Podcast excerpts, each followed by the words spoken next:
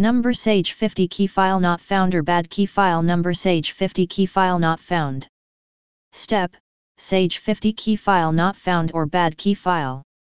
If you are getting the error Sage 50 key file not found or bad key file when trying to open your Sage 50 installation, there is a good chance that your key file is either missing or corrupted. To check if your key file is missing or corrupted, first try to locate it using the Sage 50 Installation Manager application.